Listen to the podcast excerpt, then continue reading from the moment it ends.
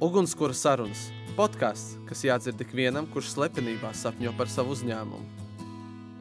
Es esmu Kristaps Zaļais, un šis ir Bīspējas podkāsts Ugunskura sarunas. Reizi mēnesī pie ugunskura aicināšu vienu uzņēmēju un iztaujāšu par to, kas reizēm biznesa veiksmju stāstos paliek aizkadrā. Atklāti, patiesi un vaļsirdīgi par to, ko nozīmē būt uzņēmējam. Sveiciens visiem! Es gan neesmu Kristaps Zaļais, bet es slepenībā sapņoju par savu uzņēmumu, kā arī nesen pievienojos Bīspējas komandai. Um, Tāda man sauc Edgars, un es šodien vairāk gan klausīšos, bet pievienošos sarunai pie ugunskura ar Kristapu un mūsu viesu šodien Artu Latišu, kurš dabūja Junior Achievement Latvijas gadu uzņēmēju balvu. Kristap, vārds tev! Prieks, Edgars, kad esi pievienojies mums, bet lielāks prieks par mūsu šodienas ciemiņu. Kā ir ar tevi? Patīk pie ugunskura? Ļoti patīkami. Ļoti romantiska noskaņa šeit ir. Kad pēdējo reizi bija pie kāda cita ugunskura? Nu, laikam jau ka Jāņos. Uh, Lec pāri? Nē, bija diezgan liels ugunskurs. Ā, tad uz izmēri, ja? Nu, es, nu, tā sanāk, jā. Jā, ok, ok, ļoti labi. Klau, Arti, es lūgtu iepazīstināt ar Artu, kā tu iepazīstinātu? Nu, es sāktu ar to, ka es esmu ļoti plaša profila cilvēks. Pašlaik, savos 20 gados, es esmu uzņēmēja. Es esmu jurista palīgs Latvijas gāzē. Es esmu uh, tiesību zinātnes un bi biznesa studente Rīgas uh, juridiskajā augstskolā. Un uh, paralēli tam es arī nodarbojos ar sportu. Esmu bijusi profesionāla tenisiste. Un, Tad internetā tas par tenisu bija taisnība. Es nevarēju saprast, jo ir divas, nu, kad iemet Google. Mm -hmm. Bet tad tā ir taisnība. Okay. Jā, desmit gadu profesionālā sportā tik godam aizvadīti. Kāds atziņas par profesionālo sportu? Grūti, smagi. Bet tenis jau vispār laikam tāds ļoti sarežģīts sports. Nu, tenisā tu esi viens. Tu esi viens visur treniņos, uz laukuma sacensībās. Tā ir liela cīņa ar sevi. Mm -hmm. Bet pārspēlēs. Vai tu ne... spēlēs? Redz, viņas pārspēles. nu, dubultspēles ir ļoti specifisks. Katrs spēlētājs nevar spēlēt dubultspēles. Ja, ja tu sāc tenisu kā individuāls spēlētājs, tad pāriet uz dubultspēlēm ir diezgan sarežģīti. Mm -hmm. Tad tu biji tā, ka spēlēji vienu un uz dubultspēlēm nepārgāji. Īsti nē. Nu, es aizsāku kā individuāli, un tā es arī turpināju. Bet skaties vēl tenisu pa televizoru? Jā, man ļoti patīk, ka es arī ikdienā spēlēju un ik pa laikam patrenēju bērnus. Tas, okay. tas tāds Tad, uh, visticamāk, mūsu Edgars uh, bez variantiem, ja izģērbtu, kā saka. Droši vien. ok. Bet, uh, Klauta, tikai jau vēl par tenisu mazliet. Uh, Latvijā divas labas, vai ne?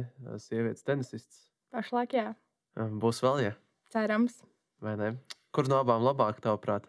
Nu, šis ir ļoti, ļoti interesants jautājums. Bet uh, es teiktu, ka abas ir tiešām profesionāls sportistas un līdz tādam līmenim kā viņas ir tikušas, tas ir, tas ir pārsteidzoši un visu cieņu šīm meitenēm, kuras spēlē pasaules līmeņa tenisu.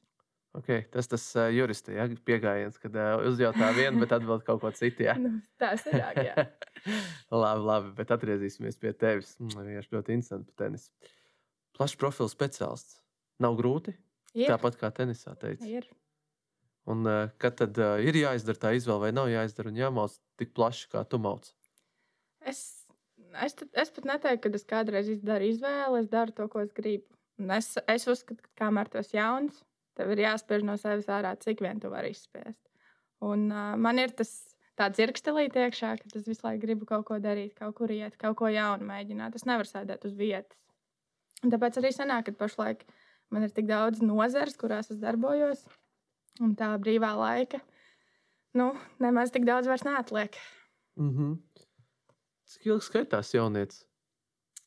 Šis ir ļoti provokatīvs jautājums. Tu teici, nu, nē, vienkārši tu teici, kamēr esmu jauna, un tad sāk domāt, vai es vēl tur daru vai nedaru.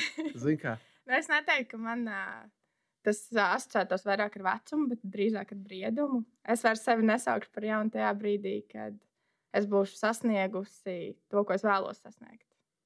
Kas tas ir, ja drīkst jautāt?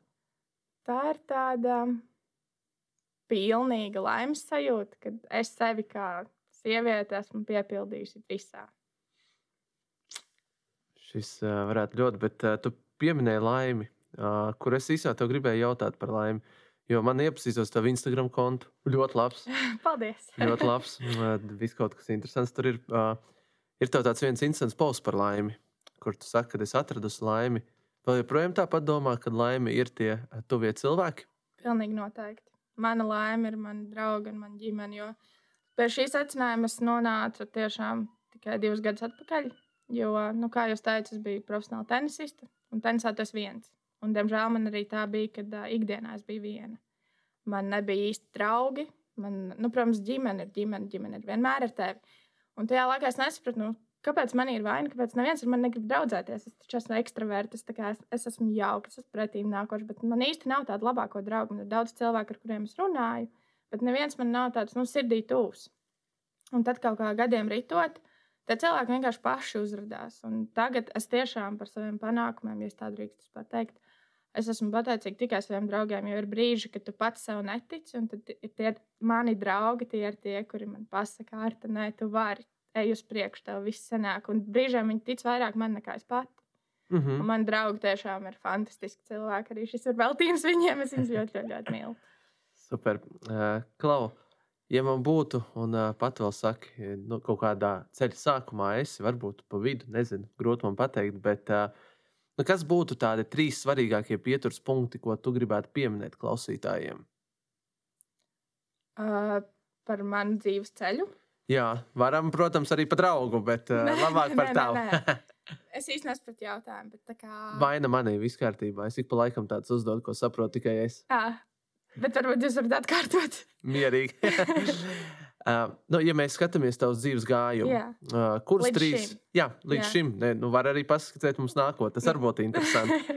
Bet uh, par nākotnē mēs parunāsim mazliet tālāk. Es domāju, līdz šim uh, trīs svarīgākos punktus, kas tavā dzīvē tev liekas tāds pieturas punkts, ko tu gribētu klausītājiem pateikt, kas ir izveidojis tevi tagad tādu, kā tu esi. Mhm.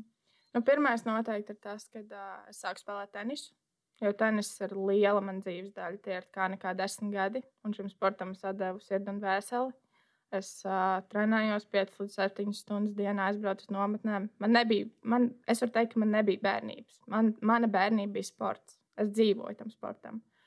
Uh, tad tas noteikti ir tas viens. Un es, es vispār neko no tā nenožēloju, jo tenis manī iemācīja tādas lietas, ko Man, es, es, es personīgi uzskatu, ka es nekur nebūtu tā, iemācījusies piemēram to patstāvību, to, ka tev, tu nevari pad, padoties pie pirmajām grūtībām. Vienmēr dzīvē ir jāiet uz priekšu, neskatoties ne uz kādiem šķēršļiem. Tad tas būtu tas pirmais pieturas punkts. Otrais būtu noteikti tas, kad man nācās pamest tenisu. Tas nebija labprātīgi.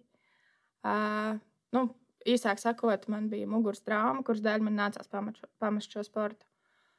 Un, lūk, un tad līdz ar to manas profesionālās karjeras beigšanu es aizsāku uzņēmējdarbību. Jo, kā jau teicu, es nevaru sēdēt uz vietas. Man visu laiku vajag kaut ko darīt, jo, ja es sēdēšu uz vietas, man procesēšu prātā. Un, jā, tad es aizsāku to, tādu, ja tā teikt, uzņēmējdarbības laikmetu.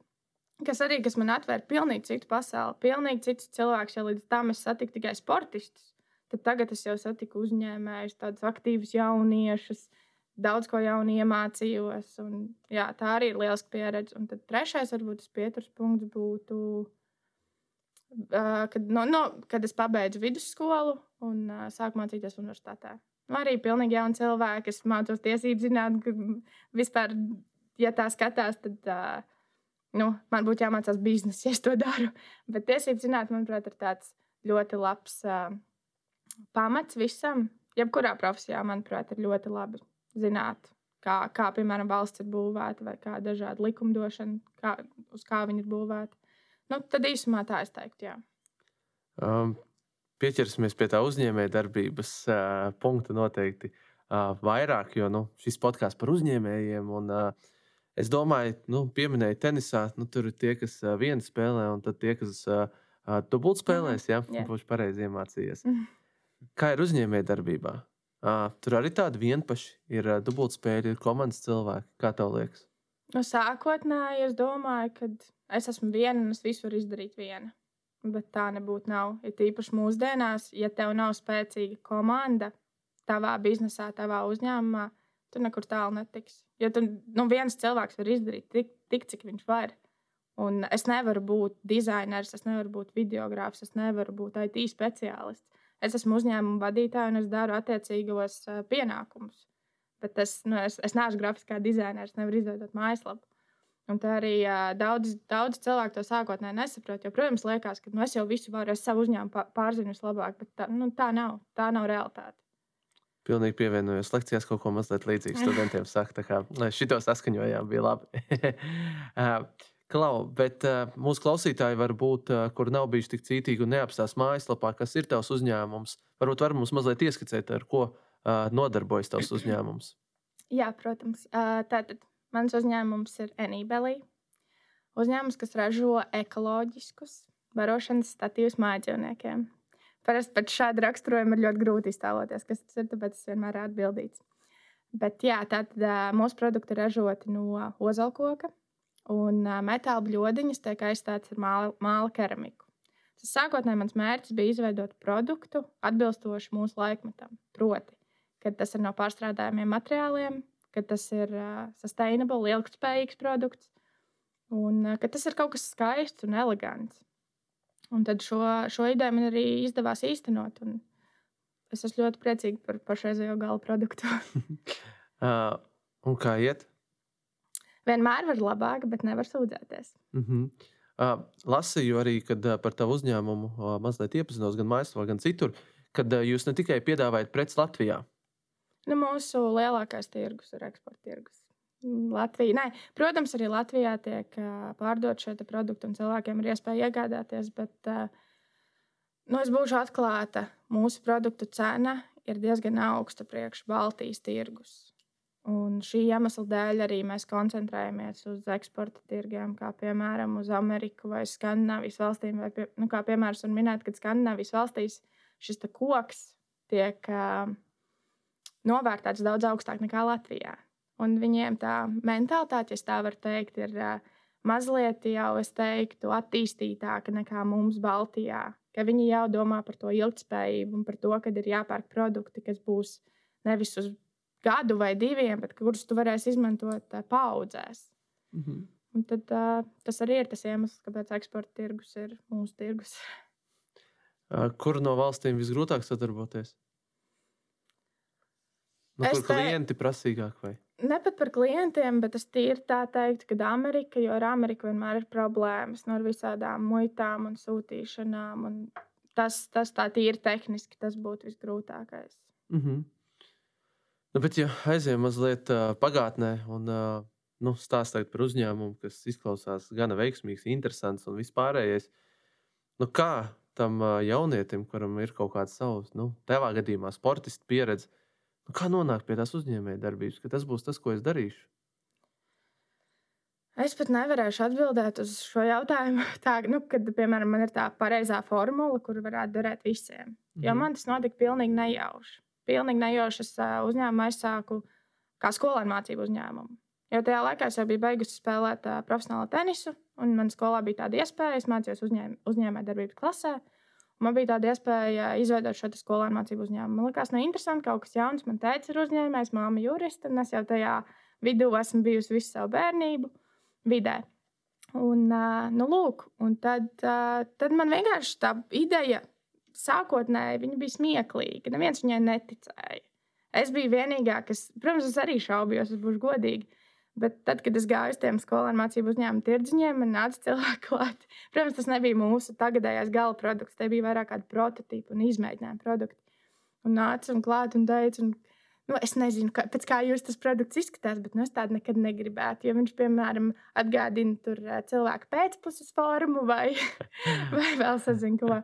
Nu, lūk, un, uh, Tāpēc, man, protams, tas arī manī raisīja šaubas. No 11. klasē man bija cik 18 gadi, un es pat no uzņēmējdarbības saprotu, es nezinu, kā, nezinu, nezinu nu, vispār neko nesaprotu pa lielam. Un uh, tad pa lielam tāds liels spēriens bija vecāki, kur ticēja manai idejai. Viņi, nu, protams, viņi ir pieredzējušāki, un viņi teica, nu, es, mēs ticam, ka ir laba ideja, attīstam, tas tev viss sanāks. Un tad tā es lēnām kāpu pa tām kāpnītēm. Bet galvenais ir ticēt savai idejai. Jo, ja tu pats netici savai idejai, tad nesāc uzņēmējdarbību. Ne, nevar vaļā biznesu. Jo, ja tu pats neticēsi, neviens viņam neticēs. Un tas ir fakts. Mm -hmm. nu, un, uh, nu, es saprotu, viens no lielajiem veiksmīgiem faktoriem bijis nu, to tavu tuvāko, jeb ģimenes nu, ticība tev. Vai ir vēl kāds padoms tiem, kuriem varbūt uh, ir līdzīgi kā tev teikt, klausoties, nu, kad viss saka slikti, bet kaut kur ir vēl tā doma, ka nē, varbūt ir jāturpina. Kā vēl saglabāt? Ir vēl kāds padoms, kas tev pašai bija noderīgs? Nu, noteikti ir uh, meklēt pēc viedokļa. Tīri arī uztvert kritiku, iepazīstināt cilvēkus ar savu produktu, vai nezinu, ar savu inovāciju, ko tu vēlēsies attīstīt un uzņemt to kritiku nevis skeptiski, bet uh, kā konstruktīvu kritiku un saprast, vai cilvēkiem ir interese par tavu produktu vai inovāciju, kā jau teicu. Un uh, pēc tā feedbacka, jo cilvēks, nu, cilvēks ir tas, tas, kas pirks tavu produktu. Un pēc tā feedback tu arī vari, man liekas, arī vairāk saprast, vai cilvēkiem ir nepieciešamība par tavu produktu, vai, vai, tev, nu, vai tā ideja ir reāla, vai viņa ir dzīvot spējīga. Mm -hmm. Nu, kādam vispār, tavuprāt, ir tāds viens veiksmīgs uzņēmēja profils? Latvijā? Nu, varam Latvijā, varam plašāk. Printful. Printful ir uh, mūsu Latvijas vienredzes. Mm -hmm. Abrīnoju un tiešām skatos kā uz brīnišķīgu piemēru Latvijā. Nu, mums visiem būtu jātiecās pēc kaut kā tāda, ka varbūt liekas pat mazliet nereāli, bet uh, tas ir reāli un viņi to izdarīja. Viņi tagad ir uh, vienreizs uzņēmums Latvijā. Pirmais. Jā, jā, spēcīgi vai ne? Jā, tiešām cepurnost.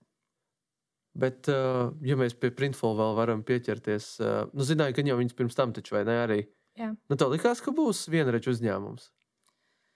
Godīgi sakot, nē, jo es pati, es kā patērētājs, neizmantoju viņu, uh, viņu piedāvāto nu, produktu, ja tā var teikt. Uh, Bet es, jā, protams, ka mēs visi zinām draugiem grupu un draugiem LV, kas kādreiz bija. Es nezinu, kur jaunieša bērnība nepagāja draugos un fermā, un es, kas tur vēl bija okeānijas vai vēl sazinu, kas.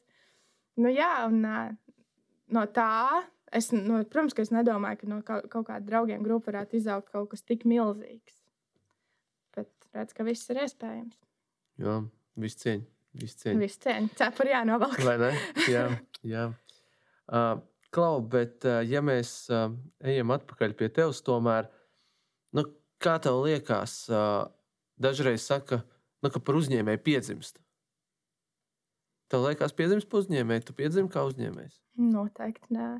Par uzņēmēju kļūst. Tas tāpat kā tu, ne, tu nepiedzimst par līderi. Tu kļūsti par līderi. Un par uzņēmēju, nu kā tu vari piedzimt par uzņēmēju, tad, tad visas uzņēmējdarbības prasības prasmes tev ir jāattīst un jāmācās. Un tu mācies tikai no savām kļūdām. Jo vairāk tu pieļauj kļūdas, jo vairāk tu mācies, un jo labāks uzņēmējs tu esi. Kādas prasmes tu redzēji uzņēmējiem, kā svarīgas tavuprāt? Uzņēmējiem. No uzņēmējs man asociējās ar tādu vienu lielu vārdu līderis. Un kā jau es iepriekš sākumā minēju par to, ka uh, bizness ir komanda. Un, ja tu esi labs uzņēmējs, tad tev ir jābūt arī lieliskam komandas vadītājam, ka tev ir jāuzticas savai komandai, tev ir uh, jādod viņiem iespēju sevi attīstīt un sev parādīt. Un, uh, tā būtu nu, noteikti līderība. Tad, uh, uh, tas, ka tu neapstājies pie pirmiem šķēršļiem. Jo, ja tu esi uzsācis uzņēmējdarbību, ar to ir jārēķinās. Kad būs grūti, būs smagi, būs negulētas naktis, un tas nav 9 līdz 5 oficiālā tev ir jābūt, ja tu esi uzņēmēja vadītājs, tev ir jābūt gatavam atbildēt uz e-pastiem arī naktī. Tīpaši, ja tu strādā ar eksporta valstīm un eksporta tirgiem. Tāpēc tas viennozīmīgi ir grūti un smagi. Un, ja tu esi sevi žēlotājs vai tu neesi gatavs cīnīties un pastāvēt par savu ideju, tad uzņēmēja darbība nav priekš tevis. Mm -hmm. Un uh, es saprotu, viens variants tev, nu, kā jau pieminēja SMU, ir šis lielskais variants, kā saprast, vai, ne, vai tas ir priekš tevis vai nav. Bet redz, vēl kāds cits variants. Nu, varbūt kāds students teikt, mūsu klausās, skolas laikā nepaspēja SMU. Bet redz, vēl cits variants, nu, kā izmēģināt. Jo nu, daudz lietas jau vislabāk saprast arī procesā, to garšu, vai tas ir tev vai nav. Bez SMU, SMU ir noteikti lieliska pieredze, un tā ir jāizmanto, ja ir tāda iespēja. Bet mēs dzīvojam digi digitālajā laikmetā, un savu produktu izmēģināt digitālajās platformās, kā Instagram, TikTok, Facebook, Marketplace. Tas, ir, tas tev nemaksā neko. Un tu vari uztaisīt profilu savam produktam dienas laikā un skatīties, kā līdz ar to arī uh, saprast, vai cilvēkiem ir pieprasījums, interese, vai varbūt kas trūkst, kāpēc nepērk, kāpēc neskatās, kas neuzrunā. Tāpēc uh, jā, šīs platformas noteikti, nu, it īpaši tagad, TikToks, diemžēl. Okay, tikko es eju tos vecus, jo es uh, Edgars, man liekas, pāris dienas atpakaļ stāstīju par to, kā viss es esmu TikTok izlaists. Tad es saprotu, man ar vienu katru dienu nāk lielāks TikTok vilnis virsū, īstenībā sakot. Ja? Jā, es arī neesmu TikTok piekritēji, man tā platforma nepatīk, bet es arī tikpat ļoti apzinos, ka TikToks ir nākotne. Un, uh, manuprāt, Instagram un Facebook jau ir tāda kā pagātne. Un TikToks, diemžēl, arī ar laiku visiem Visiem būs TikToks. Tas tāpat kā kādreiz Instagrams nebija. Tagad jau omītēm ir Instagrams. Viņas liek savas marinātās burciņas iekšā. Bet, uh, jā. Ok. Uh, super interesanti teorija, ko varētu parunāt. Uh, kas ir tas TikTok, nu, kas padara viņu tik īpašu? Nu, kad tev liekas, vai nu, jebkuram, nu, šajā gadījumā mēs runājam par TikTok mm -hmm. kā konkrēto piemēru. Bet kas kādu padala, padara tik īpašu, nu, ka visi tāpat izmantos, nu, kā kādreiz Instagram. Kā tev liekas, kas tas ir?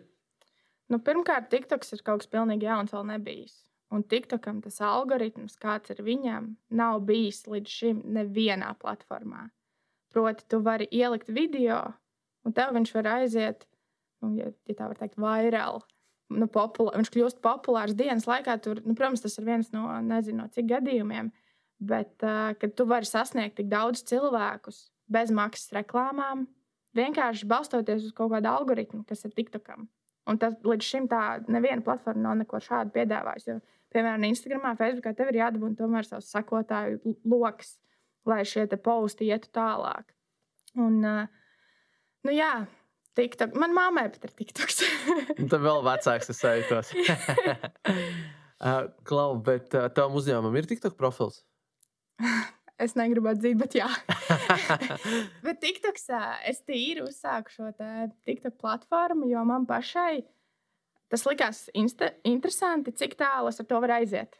Jo tad, tā, tad, tas arī ir pilnīgi kaut kas jauns priekš manis. Un uh, tīri izmēģināt, nevis ar, tā nav nekāda mana mārketinga stratēģija vai kaut kas tāds, bet tīri intereses pēc paskatīties. Jo, protams, ka TikToks attīstīsies un uh, ir labāk, pēc iespējas ātrāk lekt iekšā TikTokā. Jo ātrāk to izdarīsi, jo vieglāk tev. Nu, es runāju tieši tagad piemēram, uzņēmējiem, vai es nezinu, kas vēl cilvēks vēlas uh, būt influenceri vai Uh, jā.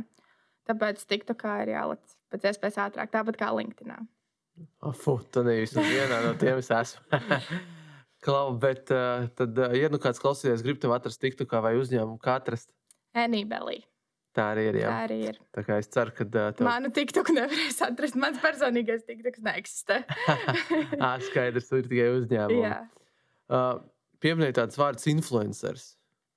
Uzņēmējs var būt influenceris, tavuprāt? Noteikti, ka var. Nu, piemēram, lielisks piemērs ir teiksim, tādā Latvijas mērogā Evelīna. Evelīna Parkere.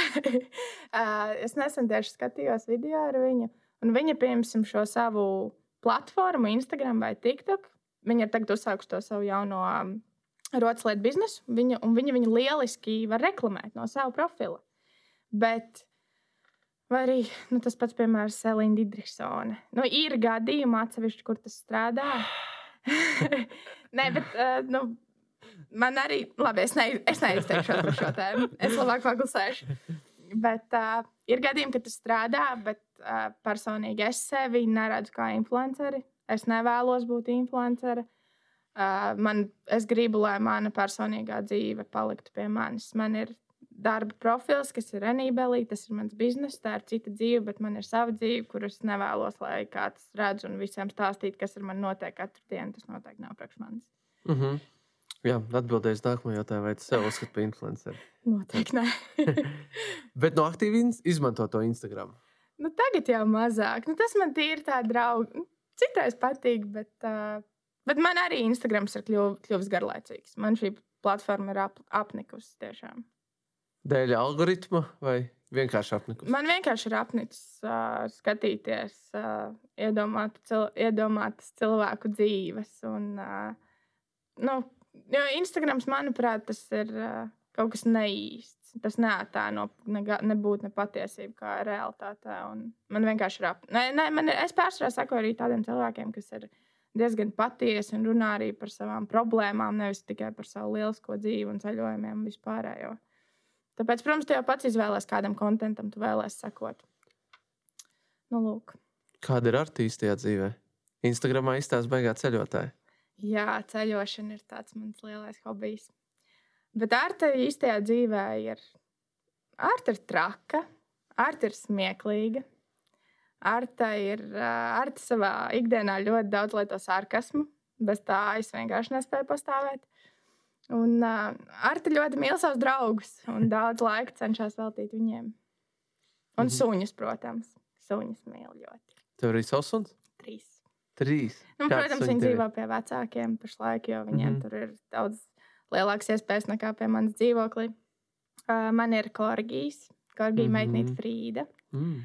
Tā ir mūsu ģimenes mazā princesīte. Un uh, man ir divi lieli vācu aitu suņi. Ui. Jā. Draudzīgi savā starpā. Jā, viņi man ir brālīši un māsiņas. Un tad uh, viņiem arī bija kaut kāds uh, nu, tas, uh, teiks, tā, atbildīgi par to, ka tā ideja ir tieši viņiem Viņu piedāvāta. dēļ tika uzsākts šis bizness, jo es saskāros ar sekojošu problēmu, ka manam lielajam sunim bija mugurkaula problēmas. Un, nu, līdz ar to viņam vienkārši sā, viņam sāpēja. Nu, varēja, varēja redzēt, ka viņš pirms mēnešanas laikā viņam nekomfortabli ēst, un viņš pat negribēja vairs ēst. Un, jo bļodiņi bija, nu kā jau visiem bļodiņi novietot uz zemes kaut kur stūrī. Mhm. Un, uh, mēs devāmies pie vetārsta. Un vetārsts mums stāstīja, ka nu, lieliem suņiem ir īpaši ir nepieciešamība pēc statīva. Un, kad, Mm, uh, jo mhm. tas pirmkārt tas deformē mājdzīvnieku mugurkaulu, ja viņš liecās uz leju, ēdot ēšanas laikā, un uh, arī gremošanas procesu apgrūtina. Un tad, protams, mēs devāmies uz veikalu, lai nopirktu barošanas statīvu. Bet tas, ko es ieraudzīju veikalos, man nebūtu neatbild manām expectācijām par barošanas statīvu. Tie bija metāla stieņi. Es viņus vispār nevarēju iztēloties savā mājas interjerā. Un, nu, lūk, un tad es tētim palūdzu, uh, lai viņš nu, viņam ir pazīstami galdnieki, un lai viņš šiem galdniekiem vienkārši kauliņa, suņu kauliņa formā uztais no koka šādu statīvu. Un tad uh, mēs uztaisījām, un baigi smuki sanāca. Un tad sākās tas skolēnu mācību uzņēmums. Un uh, tad es izdomāju, nu, es nekur neko tādu neesmu redzējis. Nu, pamēģināšu. Gan, nu, tad jau redzēs, kā ies. Un tā arī tas viss aizsākās. Super. Bet, uh, Klau, viens suns bija Frīda. Ja? Jā. Kā sauc pārējos divus? Karo un Alfijas. kā, kā vārdu izvēle notiek maidzīvniekiem? Jo mums bija baigi ilgi, kamēr mēs izdomājām sunim vārdu. Nu, Karo to es tur es, uh, man neļāva izvēlēties, jo es biju tik maziņa. Bet um, Alfijas izvēlējos šo vārdu, bet mamma bija ļoti nelaimīga par to. Jo viņai Alfijas asociējās ar tādu, nu, tādu, kā lai saka, tādu viegli prātīgu. Un tad tāds viņš arī, diemžēl, mums izauga. un Frīda. Frīda man māma nosaka, jo es ļoti vēlējos savu meitu saukt par Frīdu, jo man ir Ah. tāda, man mīļākā mākslinieca Frīda Kalo. Mm. Tā ir, tā ir sieviete, uz kuras skatos un kas man ļoti, ļoti iedvesmo. Un uh, viņas dēļ es arī nākotnē gribēju savu meitiņu saukt par Frīdu, bet tad manā māte paziņoja, nē, mūsu korgija sauc Frīdu. Nu, lūk, un tad man vairāk meitene nevar saukt Frīdu. Kā es saukšu Frīdu, tad būs gan suns, gan bērns. labs, labs, labs. Ok. Uh, bet uh, dzīvnieki uh, pieminējām to ceļošanu. Un, uh, nu, vismaz izstāstīsim, baigi izceļojis to pasauli. Nu, kura valsts tev pašai ir ļoti patikusi? Nesen redzēju, bija ielikusi tādu jauku arī bildi. Nu, kas tev pašai ir atstājis tādu varbūt paliekošu iespaidu gan kā uzņēmējai, varbūt arī kopumā kā cilvēkam? Nu, ja kā uzņēmējai, tad noteikti Dubaja. Nu, Dubaja ir iespēja, tiešām iespēja pasauli. Tur, ir, tur var atrast tādus kontaktus, vienkārši tur esot. Jo Dubajā tiešām uzturās uh, uzņēmēji, veiksmīgi cilvēki, tādi cilvēki, kuriem ir ambīcijas dzīvē. Un es uh, Dubajā biju pusotru mēnesi, uh, sanāk, nu, šajā pavasarī. Un, uh, nu, jā, tā pieredze, ko es tur gūstu, tas bija uh, kaut kas fantastisks un tik daudz jaunus un veiksmīgus cilvēkus arī iepazinu. Bet, ja tādā globālā, globālā aspektā vairāk skatoties, tad noteikti Āfrika.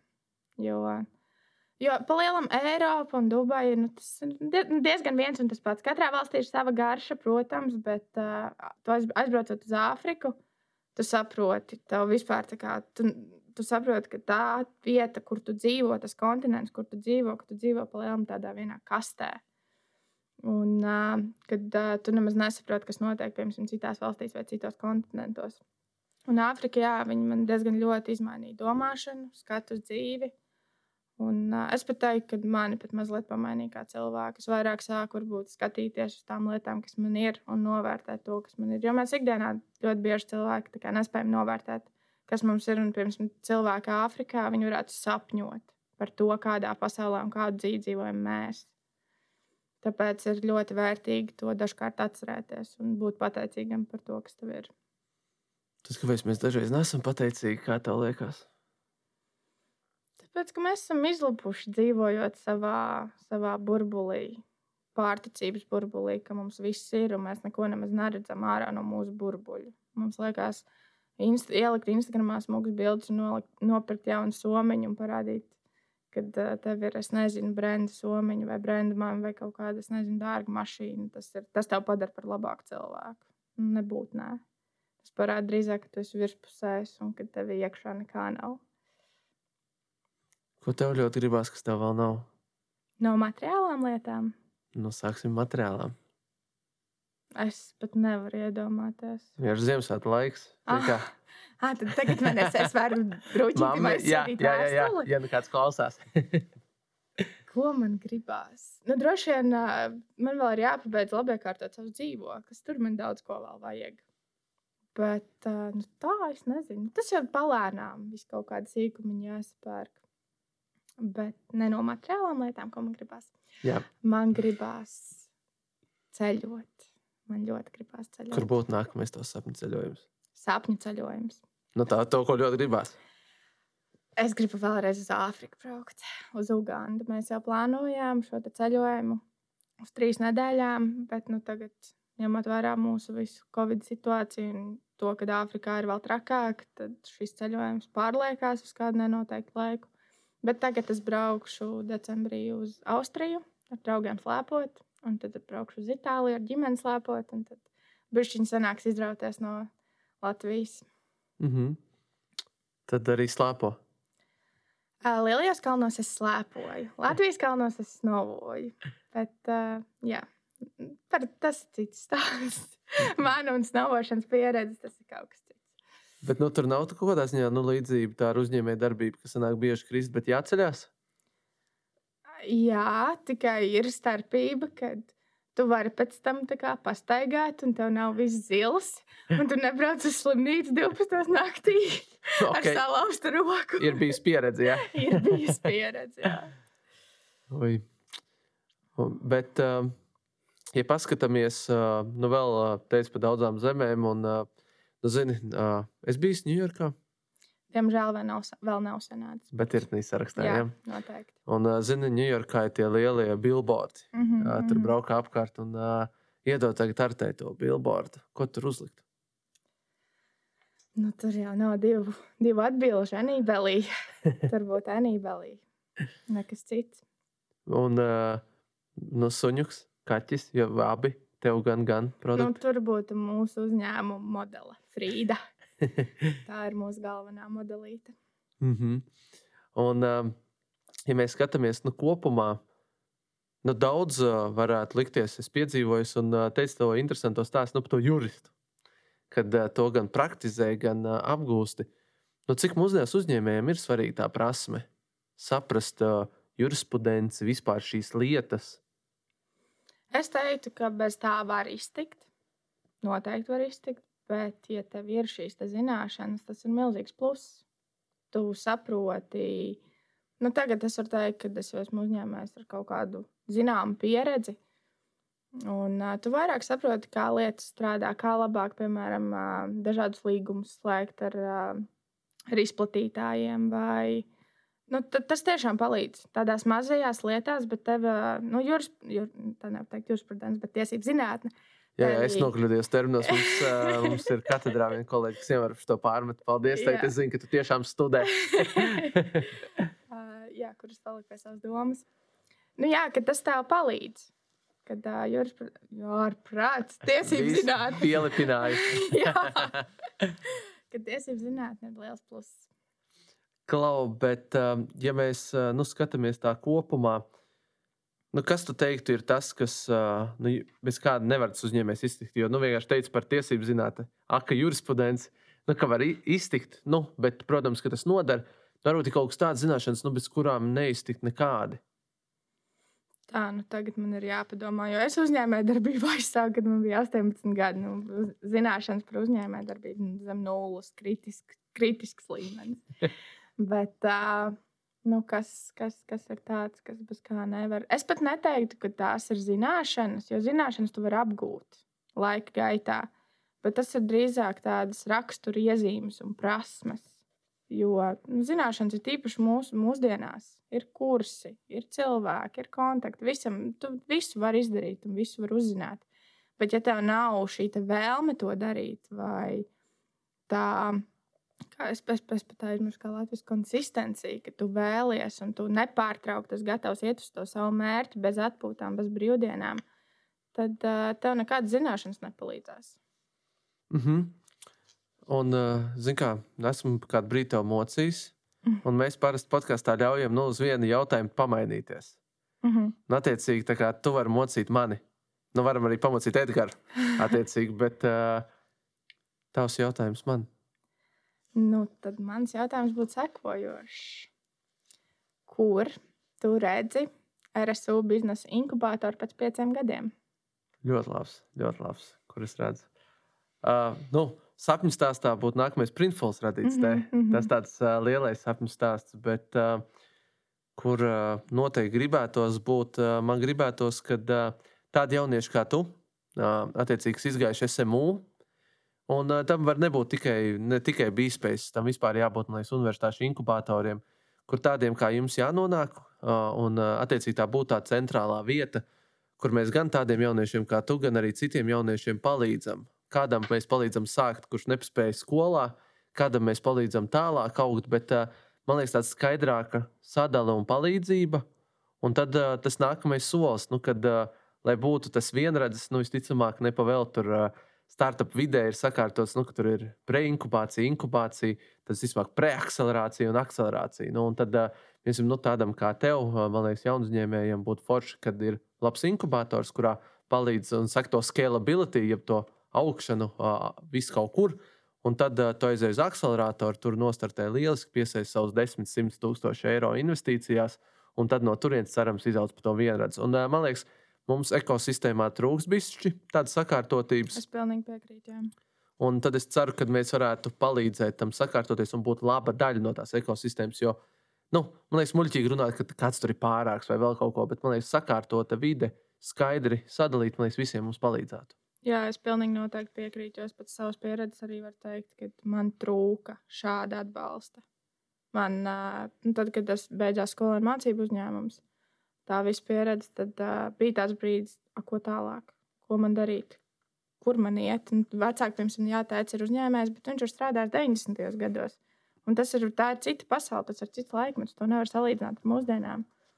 Un, uh, līdz ar to, jā, šādā, es ļoti ceru, ka jums izdosies. Un uh, ka tiešām arī jums būs jauni, veiksmīgi uzņēmēji, jo startup ir uh, viennozīmīgi. Tikai, nu, tā, tā ir nākotne. Tā ir tiešām nākotne, Latvijas nākotne. Es, es ar tam ticu, ja mēs gribam piedzīvot tādu labu un foršu izaugsmu, tad uh, tur ir jāiegulda un jātic tam. Un kam tam vēl citam, ja ne mūsu ne? Tieši tā. Klau, bet uh, man liekas, vienkārši par tevi domājot, bija ļoti interesants tas stāsts, ko teici par uh, mammu un tēti. Ka teici uzņēmējs, mamma, jurists, un tad esi abi. Jā, es esmu, kā es teicu, es aizmirsu. Es esmu hibrīds. Jā, es tā teicu. Jā, man ir šīs abas puses jau no bērnības bijušas. Un, um, nu, protams, es aizgāju studēt šo tiesību zinātni. Varbūt mazliet mammas iespējā, jo da, nu, no bērnības mums arī ļoti ģimenē daudz ģimenes draugi, ir advokāti un juristi. Un šī tēma vienmēr tika pacelta mājās vai ciemos esot. Un man tas vienmēr ir šķits interesanti. Un, um, kādreiz gribēju kļūt par advokātu. Bet uh, šī doma ir kaut kur izpalikusi un labi, ka tā. Bet jā, Par ko tu gribi tagad kļūt? kad es izaugšu liela. Jā, liela, liela. Ah, nu, es gribu būt patstāvīga. Mans tāds saka, tā, ka es personīgi uzskatu, ka savus mērķus nevajag teikt skaļi, jo tad viņi nepiepildīsies. Bet tādos uh, Tikai svecīt nopušot. jā, Jā, jā, dzimšanas Dzimšanas dienā, Jā, jā. ok. bet tās vecītes ar katru gadu paliek ar vien vairāk, un tas mazliet Kārtīgāk biedē. jāpūš, jā. jā. Bet, um, nu jā, man tāds lielais, lielais mērķis, neieslīgstot detaļās, ir ļoti vienkārši būt laimīgai. Un tiešām tas arī, tas, tas arī iet kopā ar to, ka manai ģimenei, maniem draugiem klājās labi, kad es varu palīdzēt citiem. Arī mēs arī ar uzņēmumu to cenšamies parādīt, ka mūsu tas galvenais moto un mērķis ir, kad uh, ir jāpalīdz viens otram un ka tev ir. Mēs arī pagājušo gadu sadarbojāmies ar Ulupeli. Mēs viņiem ziedojām barošanas galdiņus. Un, un jā, tas ir mans mērķis. Nevis tikai uh, darīt labu, nu, nosīt sev, bet uh, kad to ar, kad man veicās, es varu to arī ar, nu, nevis veicās, bet kad es esmu kaut ko sasniegusi un ar to labumu es varu dalīties arī, un arī kaut ko citiem dot. Jā, tas būtu tāds liels mērķis. Kā tev liekas, nu, cik mūsdienās ir viegli jaunietim būt laimīgam? Jo daudz par to, man liekas, pēdējā laikā runā. Kā tev pašai vismaz tā sajūta? Es teikšu tā, ka tas viss ir atkarīgs no taviem uzskatiem, tava domāšanas veida. Jo, ja tu domās, ka viss ir slikti, kā piemēram tagad ir Covid ārprāts, mums dzīve ir apstājusies, viss ir apstājies, tā nebūtu nav.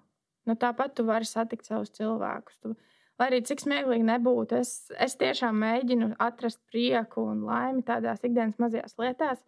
Jā, man ir 20 gadi, bet, piemēram, šo sestdienu mēs 30 cilvēku vērmiņu dārzā pikojāmies ja kāds redzēja to, tad tas no malas izskatījās smieklīgi. Jā, tas ir bērnišķīgi un tas ir muļķīgi, bet tas ir īsti un tas ir patiesi. Un tik daudz, tik, tik daudz pozitīvās e- emocijas es no tā ieguvu.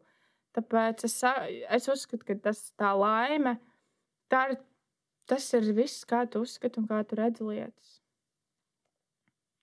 Tad uh, tas viss ā, galvā sākās. Viss ir beidzās. galvā. Jā, kā man kādreiz fizioterapeits Marks Savskis teica. Viss ir galvā, tas nav sāpes, viss ir galvā. Mēs laikam visi pie tā kunga esam bijuši. Man tas prieks bijis. uh, bet, uh, ja skatāmies uh, tādu nu, savu nākamo nu, piecgadi, uh, tu redzi šo uzņēmumu vēl augot. Tu redzi, varbūt jau nākamo ideju, ko tu gribi radīt, kā tev pašai izskatās tie pāris tuvākie gadi. Nu, es teikšu, tā, ja es neredzētu šo uzņēmumu augot, tad es viņu nemaz neturpinātu. Jo kādi jāk darīt uh, to, kurā tu neredzi savu nākotni un kurā tu neredzi potenciālu. Un uh, pēc pieciem gadiem, jā, es redzu, ka Danībelī ir uh, atpazīstams brands. Ne Latvijā. Es, nu, nu, protams, Latvijas tirgus man ir svarīgs, bet ne tik svarīgs. Jo nu, mums tā divu miljonu populācija ir maz, tik maza, cik viņi ir mazi. Un, uh, jā, kad, bet tas ne, ne par par tā paša brenda popul popularitāti, bet drīzāk par to, ka cilvēki arī saprot, ka viņu mājas dzīvnieki ir pelnījuši skaistu produktu un, un pienācīgi baudīt katru maltīti. Un, nu jā, un tas ir tā, tā mīlestība pret mājas dzīvniekiem. Tas ir tas, ko es vēlos arī vairot. Un tās rūpes. Un... Bet, uh, nē, bet, jā, jā. Bez bet. Jā, vai ne? Tas tā ir. Ja mēs uh, tev teiktu, jebkurš cilvēks, uh, ko tu vari uzaicināt uz vakariņām, dzīves, miris, ko tu uzaicinātu? Uz vakariņām. Nu, varam arī pusdienās. Ja nē, nē, vakariņas tuvāks. labāk skan. Um, tā, nu tagad man ir jāpadomā. Nu, droši vien jau ka to pašu Frīdu Kalo. Jo tik ļoti, cik viņa man ir iedvesmojusi, man nav neviens vēl līdz šim iedvesmojis. Un tas, man liekas, viņa man uh, bija tāds kā lielisks piemērs tajā brīdī, kad man bija tā muguras trauma tenisā.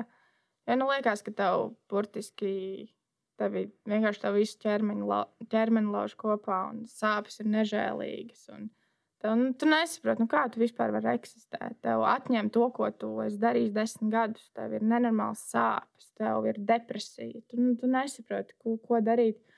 Un līdz ar to es kaut kā to viņa stāstu tik ļoti pie sirds paņēmu, kad viņi nu, redz, redz ar cilvēku, kuram ir bijis simtreiz grūtāk.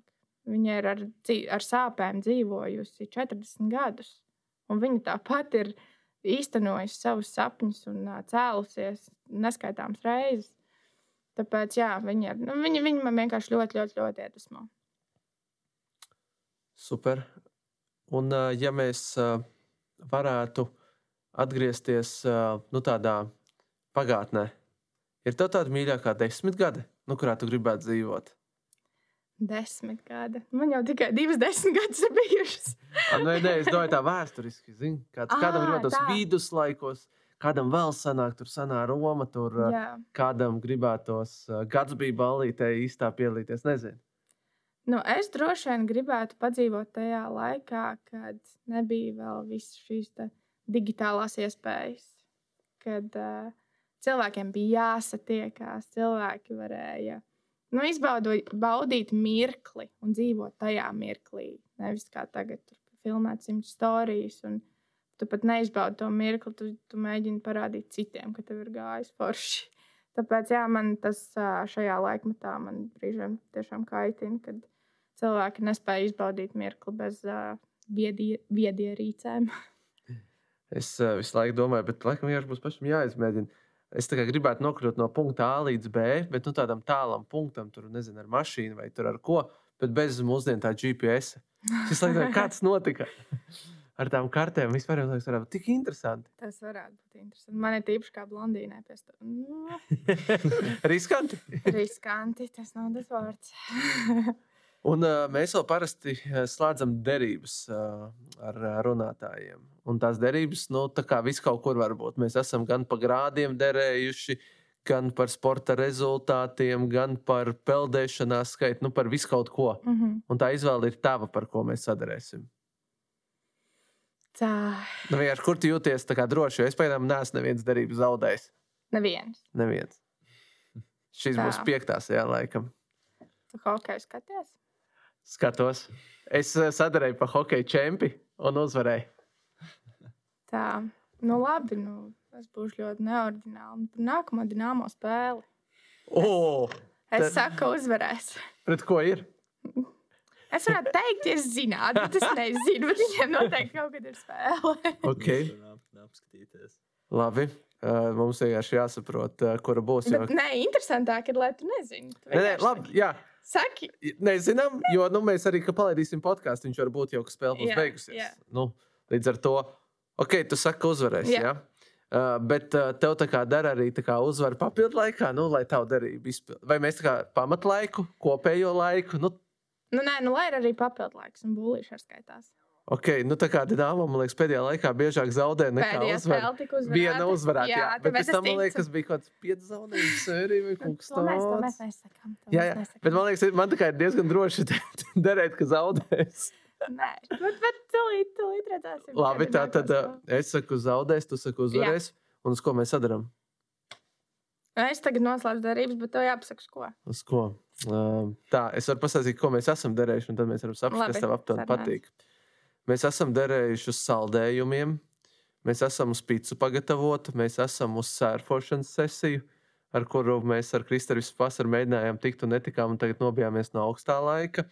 Tad uh, mēs esam sadarējuši uz kaut kādu kraklu vai kaut ko tādu, ja es nemaldos. Tā kā Mēs- mums visādi amplitūda bijusi. Nu, tad ņemot vērā, ka ir ziemas sezona, mēs varētu sadarīt uz uh, Ozolkalnu biļetēm, slēpošanā vai snovošanā. Uzvalkāns, uh, lai iet, kur ir Uzvalkāns. Uh, Cēsīs. Cēsīs? Jā, Ah, tur ir tie labie pacēlāji. Es tikai sēdēt. Ah, Tie ir tie saucās Uzvalkāns. Jā. Okay. Man vienkārši tas kalns vienmēr bija tas kalns ar foršiem pacēlājiem. Nu, tad, jā, jā. Jā, ok, ok, uz biļetēm. Tad būs jārezervē, lai iet Sarunāt. sarunāts. Es ceru, ka šī nebūs pirmā reize, kad zaudēšu. Septītā, 8. decembrī ir nākamā spēle. Tā kā tas Ah, tas ir diezgan tālu. Ah, nē, tas nav. tepat pēc divām dienām. Viss labi, viss labi. labi. Teiksim tā, iespējams, klausītāji jau zinās, kā, kāds ir derību rezultāts, bet uh, super. Un, uh, ja man būtu jāpasaka kaut kas tāds, uh, ko es tev nepajautāju, bet vajadzēja tev uzdot, tev būtu kaut kas tāds ienācis galvā. Es gribētu, cik es uh, saprotu, nu, šo podkāstu klausās lielākoties jaunieši. Mm -hmm. Un es gribētu pastāstīt par vienu ļoti, ļoti foršu programmu, kurā es pašlaik arī piedalos. Tā Future ir Leaders kaut kas Jā, Future Leaders Academy. Šo programmu rīko un veido Zviedru vēstniecība sadarbībā ar Stockholm School of Economics. Un vienmēr sakot, šajā programmā var piedalīties aktīvi Latvijas jaunieši vecumā no 18 līdz 29 gadiem, ja es nemaldos. un, jā, un es esmu super pārsteigta par šo programmu, jo tas, manuprāt, ir kaut kas fenomenāls, kad Latvijā vispār kaut kas tāds ir izveidots. Lielas paldies mūsu uh, programmas vadītājai Ievai Birkai par šādu programmu, jo mums tiešām ir iespēja pirmkārt veidot kontaktus, un networkings ir tiešām ļoti, ļoti pozitīvs un liederīgs ar, tiem, ar šiem cilvēkiem. Jo mēs esam burtiski 20 jaunieši no Latvijas. Katrs savā sfērā darbojās, bet aktīvi. Piemēram, mums ir arhitekts, mums ir uh, meitene no Rojas, kur ir uh, gadā saņēmusi, man liekas, kā, kā tā balva saucās, gada rojas cilvēks vai kaut kas tāds. Skinsen. Jā, tad ir arī viena medicīnas studenta, kas arī sūkļi mācās. Un tad mums tie profili ir tik dažādi, bet mums kopā, kad mēs satiekamies, arī ir tik ļoti interesanti, jo mēs katram mums tas background ir citādāks. Un, jā, līdz ar to, long story short, es vēlos iedvesmot jauniešu, kurš šo klausās. Pieteikšanās ir vasarā, un lūdzu piesakieties, ja jūs tiešām esat aktīvi un jums interesē um, uzzināt daudz ko jaunu par Latvijas politiku, par, es nezinu, kaut vai diskutēt ar Latvijas uh, zināmām personībām. Piemēram, mums pat bija uz diskusiju atnācis mūsu valsts prezidents. Šonadēļ, šajā, šajās brīvdienās mums bija ciemos uh, mūsu izglītības ministre, finanšu ministrs. Tad vēl iepriekšējās brīvdienās mums bija Nils Mūžnieks, kurš stāstīja par savu cīņu ar, par cīņu ar cilvēktiesībām pasaulē. Un šie cilvēki tiešām ir veiksmīgi un interesanti, un no viņiem var iedvesmoties.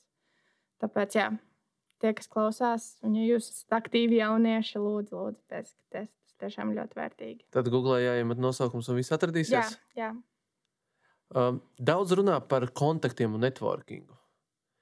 Pirmais jautājums, nu, kāpēc tas tik svarīgi, uh, tavuprāt? Un otrs, nu, ja man varbūt arī liekas svarīgi, bet es vēl mazliet kautrīgs. Kā, kā sākt to darīt? Sākt runāt ar cilvēkiem. Uh, jā, kontakti un networkings tā ir viena no panākuma atslēgām. Jo it īpaši, mūs, nu, protams, tas jau nav tikai mūsdienās. Vienmēr viss ir būvējies uz kontaktiem un pazīšanām. Un arī tas secinājums, ko es esmu nesen veikusi, ka, piemēram, uzsākot uzņēmēju darbību, tev to ir daudz, daudz vieglāk darīt, ja tu, ja tu, ja tu uzsāc to tieši savu biznesa ideju vai to uzņēmēju darbību uh, vidē, kurā tu esi jau darbojies un kur tu kaut ko saproti jau no tā. Jo man, piemēram, mājas dzīvnieku produkti, nu, saistība man ar to nulle. Tāpēc arī man sākums bija tik grūts un vēl joprojām, tā kā, jo man to kontaktu nav. Es esmu burtiski nu, tā iemest augstā ūdenī. Un, piemēram, mums arī par līderu programmu runājot, tur bija fórums līderi. Varbūt jūs esat dzirdējis par tādu. Par, nu, tas ir tāds uh, pasākums, man liekas, divu dienu garumā, kurā laikā iedvesmo sievietes. Nu, tur par dažādām tēmām, sāpīgām runā un tā. Un šī te, uh, projekta dibinātāja arī bija pie mums ciemos. Un Viņa arī stāstīja savu dzīves stāstu, kad viņa pasākuma organizēšanas, es ne, ne, ne, nepateikšu precīzi, kur, kur viņa tieši darbojas, bet nostrādāja piecus gadus šajā sfērā. Un pēc tam viņa iz, izdomāja izveidot kaut ko savu. Un ņemot vērā to, ka viņa jau bija tur strādājusi un kontakti viņai bija atvērti, viņai tas tik viegli un tik organiski arī izdevās. Un tāpēc arī šis projekts ir tik veiksmīgs un pieprasīts. Super. Bet uh, es vienkārši aizdomājos, pieminu par dzimumu. Es domāju, vai tu esi nu, jutusi kaut kādu šādu atšķirību, vai kodēļ uh, tā, ka tu esi dāma, un varbūt dažreiz saka, tur kungiem ir savādāk. un Tā ja es aizskāru šo tēmu, liekas, kas ir tāda viena ļoti jutīga tēma, vēl joprojām skumji, ka vēl joprojām ir, bet uh, ik pa laikam izskan, man liekas, netanī patīkamākajā gaismā. Es teiktu, ka paliek labāk ar to. Bet uh, vai es pati esmu saskārusies? Noteikti, jā. Jo, nu, protams, 18 gados, ja to ir runāts, es nezinu arī, kad, piemēram, pēc savas pieredzes spriežot, es gāju runāt ar investoriem vai sadarbības partneriem. Nu, brīžiem bija tāda sajūta, ka viņi uzskata, ka pie manis atnāk 18 gadīga blondīna, un ko viņi vispār saprot no uzņēmējdarbības. Un, nu, un tad jau tas jau jūti no tā cilvēka to attieksmi, ka, nu, nu, ko tu te vispār esi atnākusi. Bet es arī ļoti labi apzinos, ka ar tādiem cilvēkiem man nebūs nekas kopīgs. Un, ja tu nesaproti, ka arī 18-gadīgs cilvēks var būt ambiciozs un viņš var jau kaut ko dzīvē sākt veidot un darīt, tad, nu, tad cik tums, tumsnēs tu esi, ja tu iedali cilvēkus vecuma grupās. Tāpēc man arī, piemēram, nav skaidra šāda iedalīšana dzimumos vai, vai runājot par vienzimumu pāriem. Un, Un es nespēju cilvēkus dalīt uh, grupās. Man cilvēks ir. Man ir pilnīgi vienalga, vai viņš ir gejs, lesbietē, melns, balts vai. Nu, es, es tā nespēju dalīt cilvēkus. Un es neuzskatu, ka tā ir jādara. Tāpēc es arī par šādām tēmām runāju, un es uzskatu, ka par viņām ir jārunā un ka par viņām ir jāiestājās. Jo cil, nu, jebkurš cilvēks ir pelnījis uh, uh, cieņu un uh, vienāda attieksme, tāda pati, kāda ir pret visiem cilvēkiem. Var tikai pievienoties. Runājot par taviem produktiem, pētīju produktu lapu, vienu lietu nesapratu. Tev ir tādi forši nu, stendiņi, tā kā kaķiem, nu, kur ir dzeramais, zāle un no ēdienam, mm -hmm. nu, divi trauciņi. Jo nu, kaķis ēd to zāli. Yeah. Bet man suns arāda zāli, bet es tā kā nedabūju ar kauliņu formu un trīs tiem objektiem. Kāpēc tā? Tāpēc, ka kauliņa forma ir. Viņa neizskatās estētiski ar trīs. Bet būs sunīšiem kaut kas ar trīs gribētu, bet, man visvairāk patīk tā doma, ka ir zāles bļodiņi iespējams ielikt. Bet tas jau nenozīmē to, ka ķīšu galdiņu var arī suns. Bet tur ir pelīte. Bet ir arī otrs galdiņš, kur ir, kur, nā, kur ir vienkārši taisnas, taisnas stūra forma. Ah. Jā. Ja es tikai pelīti pamanīju. Pelīte ir kaķīšiem, jā, bet jā. Mūsu otrs galdiņš ar nosaukumu Springtable ir, ir domāts arī sun, sunīšiem. Jā, labi. Bet tā zāle kopumā tas ir ar tādu domu, ka tas ar kaut kādā ziņā mūs atšķir, vai tas tikai man tā likās? Jo es tā daudz neesmu redzējis, ka tā nu, trešajā lietā ir. Jo nu, parasti ir vai nu pa vienai, nu, vai nu pa divām, nu, kā klasiski. Nu, tā doma sākotnēji bija tāda, ka vispār veidojot mūsu produktus, mēs uh, konsultējamies ar vetārstiem nu, par visu augstumu izmēriem un vispārējo. Tas nav tā uz manas man galva vienkārši izdomāts. Un līdz ar to, un, jā, vetārs mums izglītoja un stāstīja par to, ka kaķi, nu, man, es neesmu kaķu īpašnieks, es nezināju to, ka kaķi ēd zāli, tīpaši tādā ziemas periodā. Un ka viņiem šī zāle ir arī nepieciešama, jo tā viņiem ir uh, vitamīnu deva. Un plus vēl uh, nu, kaķiem ir tas, ka nu, viņi sevi tā var teikt, mazgā, un viņiem tā spalva tā saķerās kaklā, un viņiem ir nepieciešama tā zāle, lai viņi attīrītu to organismu. Un, jā, tas bija mūsu galvenais mērķis. Bet citi tas nav obligāti, ka tā zāle ir arī nu, jā, jā, jāizmanto. Tur citi varbūt izmanto, piemēram, sausā barība, slapjā barība un ūdens. Tas ir ļoti, ļoti individuāli. Jā, um, Kaķis cilvēks. Kaķis cilvēks. Oh, oh. Tā, man liekas, tikko Edgars izēja. Visi mēs paliksim divi tā runāties. Edgar. nu, tā nav īsti mana izvēle. Bet, jā, man ir kaķis, bet uh, es par to zāli nezinu. Vai es tā pirkšos, varbūt pastīšos tās citas opcijas, jo man interesē. Es arī apskatījos, bet uh, jā, man kaķis uh, uh, ēd to zāli un pēc tam vēl jārā. Tā kā Man Esmu. stāstīja, ka tas esot viņiem tāds dabiskais process, ka viņš īstenībā speciāli apēd zāli, lai izvēlētos. Jā, tieši tā, tieši tā. Tā kā tas ir labi, Edgar. Jā. Jā, bet tad ir jāvāc kādam. Nu, maicīnieks. Labi, es izstājos. Paldies. Fuh, te uzreiz laba sajūta. Jā, es, es arī pilnīgi jūtu šo kaķu enerģiju. Vai ne? Ai. Bet uh, Diemžēl man liekas, mums ir jāiet uz to nobeigumu pusi. Man ir tādi divi tipiski jautājumi, ko es uzdodu visiem, kas ir bijuši šeit ciemos pie mums un ar ko bijis tas prieks un gods parunāties. Sāksim ar pirmo. Kas ir tās lietas, kas tev iedvesmo? Lietas. Es neteiktu, ka tās ir lietas, bet tās ir drīzāk darbības un cilvēki. Man iedvesmo sports. Es sportoju ikdienā vēl joprojām. Man iedvesmo augstās peldas. Es eju. Tas augsto peldu fani. Jā, es esmu, Es esmu traka. Nu, tiešām uh, visplašākajā vārda nozīmē. Man patīk iziet ārā no savas komforta zonas. Es, piemēram, Āfrikā esmu lekus ar gumiju Viktorijas ūdenskritumā. Nu, man patīk to, just to adrenalīnu, un kad es kaut kā spēju atslēgties varbūt, no ikdienas problēmām. Piemēram, es aizēju uz sporta zāli, es ielieku austiņas, un es esmu pusotru stundu citā pasaulē. Es nedomāju par visām pārējām pro problēmām. Es esmu tajā brīdī, un tur un tas, tas man ļoti palīdz. Tad, kas man vēl iedvesmo, atkārtošos man cilvēki, bez viņiem nekur. Un treškārt, kas man iedvesmo, tā vīzija par nākotni, par dzīvi, kādu es vēlos dzīvot. Un, lai arī tagad uh, apstākļi piespiež dzīvot Latvijā, sevi nākotnē, teiksim, tādā piecu gadu rādījusā, es neredzu Latvijā. Ne tāpēc, ka te ir slikti vai man te nepatīk, es vienkārši vēlos redzēt vairāk un iepazīt vairāk. Man Latvija priekš maniem mērķiem ir par mazu pašlaik. Bet es noteikti vēlēšos pēc kāda laika Latvijā atgriezties un veidot ģimeni un stabilitāti, bet uh, ne 20. Ir noskatīta nākamā valsts. Godīgi sakot, nē. Tāpēc, ka nu, man ir jābeidz universitāte noteikti. Es esmu iesākusi, es pabeigšu, un tas ir vēl pusotrs gads. Un tad jau, tad jau redzēs, kur dzīve vadīs un kā, kā viss notiks. Par tām augstajām peldēm es gribu atgriezties. Uh, Minus 16 ārā kaut kas tāds. Reāli augsts, reāli augsts. Es esmu piecās kārtās, un man ir augsti. man arī ir augsti. Peldēs arī? Nu, tur jau tev tu ieeji, un tev viss atslēdzās. Burtiski desmit minūšu, fu, desmit minūšu, fu, desmit sekundžu laikā tu vairs nejūti neko. Nu, tev viss ir tik ļoti atklāts. Tā kā tiek vēl ārā, ka tu nejūti neko. nu, jā, tas ir divas minūtes pasēdi, padomā par dzīvi. Uh, tu uh, fonā skan kāda operas dziesma, un tad tu tad laimīgs soļo atpakaļ. Nav, man personīgi grūtākais nav ieiet. Man grūtākais ir pēc tam sasilt. sasilt jo tev labi, piemēram, tu uzvelc tos, nezinu, zābakus, džemperus, jakas, bet tev ir iekšēji augsti. Tas, tas ir viss trakākais.